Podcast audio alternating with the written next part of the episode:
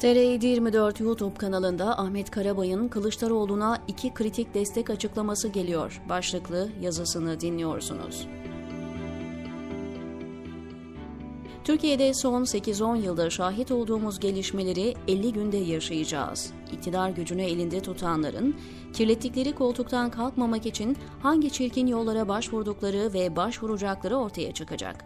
Muhalif kesimin demokrasinin henüz tam silinemeyen izleriyle bile bu hamlelere nasıl karşı koyduğunu göreceğiz. Başlıktaki konunun detaylarına geçmeden önce ittifaklarda gelinen noktaya ilişkin bir iki not paylaşmak istiyorum. Memleket Partisi lideri Muharrem İnce dün Cumhurbaşkanı adaylığı için gereken 100 bin imzaya ulaştı. İnce artık Tayyip Erdoğan ve Kemal Kılıçdaroğlu'ndan sonra resmen 3. aday konumunda. Muharrem İnce'nin 4. günün sonunda imzanın tamamlanması ardından yaptığı açıklama ilgi çekiciydi. İstesek ilk gün 100 bin imza toplayabilirdik. Toplasak AKP'liler yardım ediyor diyeceklerdi. Her şey planladığımız gibi oldu. Her şey planladıkları gibi mi oldu onu bilmiyorum. Ama AK Parti örgütlerinde ne tür çalışmalar yürütüldüğünün bir kısmına vakıfım. İstanbul'da AK Parti İl Başkanı Osman Kabaktepe'nin talimatıyla birçok ilçe örgütü farklı mahallelerden ilçe seçim kurullarına minibüs kaldırdı. AK Parti yönetimi imza organizasyonuna ilişkin bilgi paylaşımını da WhatsApp grupları üzerinden yürüttüler. Muharrem İnce, 2018'deki adaylık sürecinde Meral Akşener'in ilk günde topladığı imza sayısına 5. günde ulaşamadı. Meral Akşener 126.341, Temel Karamollaoğlu 44.967, Doğu Perinçek 14.565, İnce o seçimde grubu bulunan CHP'nin aday göstermesiyle katıldığı için imza toplamasına gerek kalmamıştı.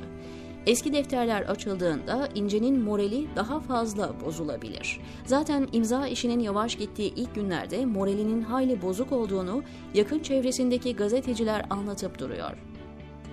İnce neredeyse bütün kampanyalarını sosyal medya üzerinden yürütüyor. Kendisi felaketin yaşandığı ilk günden itibaren deprem bölgesinde olması ve tabloyu yansıtmaya çalışmasıyla dikkatleri çekti.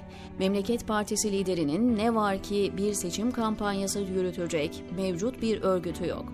Örgüt dediğin yapı 3-5 günde oluşmuyor maalesef. Satın alınan bir meta da değil. İnce'nin bugün anketlerde görülen %5-6 dolayındaki oy oranı şayet Millet İttifakı ile anlaşmayıp tek başına girerse seçime yaklaştıkça artmayacak. Millet İttifakı'nın doğru adımlar atması halinde oyları giderek azalacak. İnce'nin ölüsü bile Hüdapar'dan fazla oy alır. Tayyip Erdoğan 2018 seçimlerinde yurt dışı oylar dahil 155.539 oy alan oy oranı %0,31, Hüdapar'ın desteği için neler yaptığını hep birlikte gözlemledik. Bu gelişmeler ardından Erdoğan cephesinin Millet İttifakı için kullandığı altı benzemez sözü asıl Cumhur İttifakı için ortaya çıkmış oldu. Üç dinci artı bir milliyetçi parti eşittir kaos. Bu benzemezlerin ortak listeyle seçime girmek durumunda kalacakları konuşulduğuna göre önümüzdeki günlerde liste yarışlarını, kavgalarını siz seyreleyin. Bunun küçük bir örneğini dün AK Parti örgütü Gaziantep'te yaşadı. Temayül yoklamasında birbirine giren partililer sandıkları dağıttı. Millet İttifakı belli kesimlerin adayınızı açıklayın dayatmasına rağmen yola çıktığı günden bu yana aday sonra önce ilkeleri belirleyeceğiz yolunu seçti. Türkiye'nin yetiştirdiği ve devlet tecrübesi olan yüz binlerce kişinin yoğun katkılarıyla ilkeler ortaya konuldu. Ortak politikalar mutabakat metni adı verilen 244 sayfalık yol haritası belirlendi ve kamuoyuyla paylaşıldı.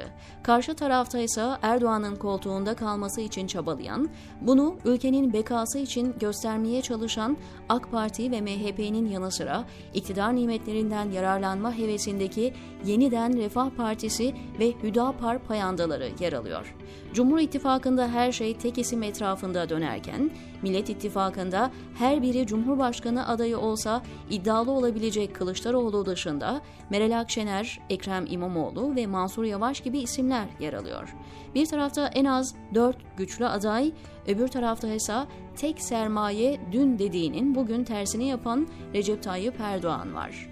24 Aralık 1995 seçimlerinde Refah Partisi mucizesi kadınların sahaya inmesiyle kazanılmıştı. Sonrasında AK Parti mucizesini de sahada çalışan kadınların emeğiyle gerçekleştirdi. 2018 seçimlerinde kadın gücü AK Parti'de önemli ölçüde sahadan çekilmişti. Bu seçimlerde ise kadın üzerinden koparılan fırtınadan sonra dişil gücü daha az sahada göreceğiz. Hüdapar ve Yeniden Refah Partisi'nin kadına karşı verdiği mücadeleye göğüs germeye çalışan AK Parti Meclis Grup Başkan Vekili Özlem Zengin'le Aile ve Sosyal Hizmetler Bakanı Derya Yanık'ın başına gelenleri toplum hayretle izledi. 6284 sayılı kanunu ve kadın haklarını savunduğu için Özlem Zengin yalnız bırakıldığını, hedef haline getirildiğini ve tehdit edildiğini yüreği yanarak dile getirdi. Kemal Kılıçdaroğlu Millet İttifakı açılımı yapmadan önce göreve gelmesinden itibaren partisinde önemli dönüşümleri hayata geçirdi. 2019'da İyi Parti ile ittifak için yola çıktığında genişleyerek büyüyeceklerini ortaya koymuştu. Kılıçdaroğlu bu hafta vefatının yıl dönümü dolayısıyla Büyük Birlik Partisi'nin kurucu lideri Muhsin Yazıcıoğlu'nun oğlu Furkan Yazıcıoğlu ile bir araya geldi. Öldürülmesinden itibaren Sinan Ateş'in eşi ve çocuklarına sahip çıktı.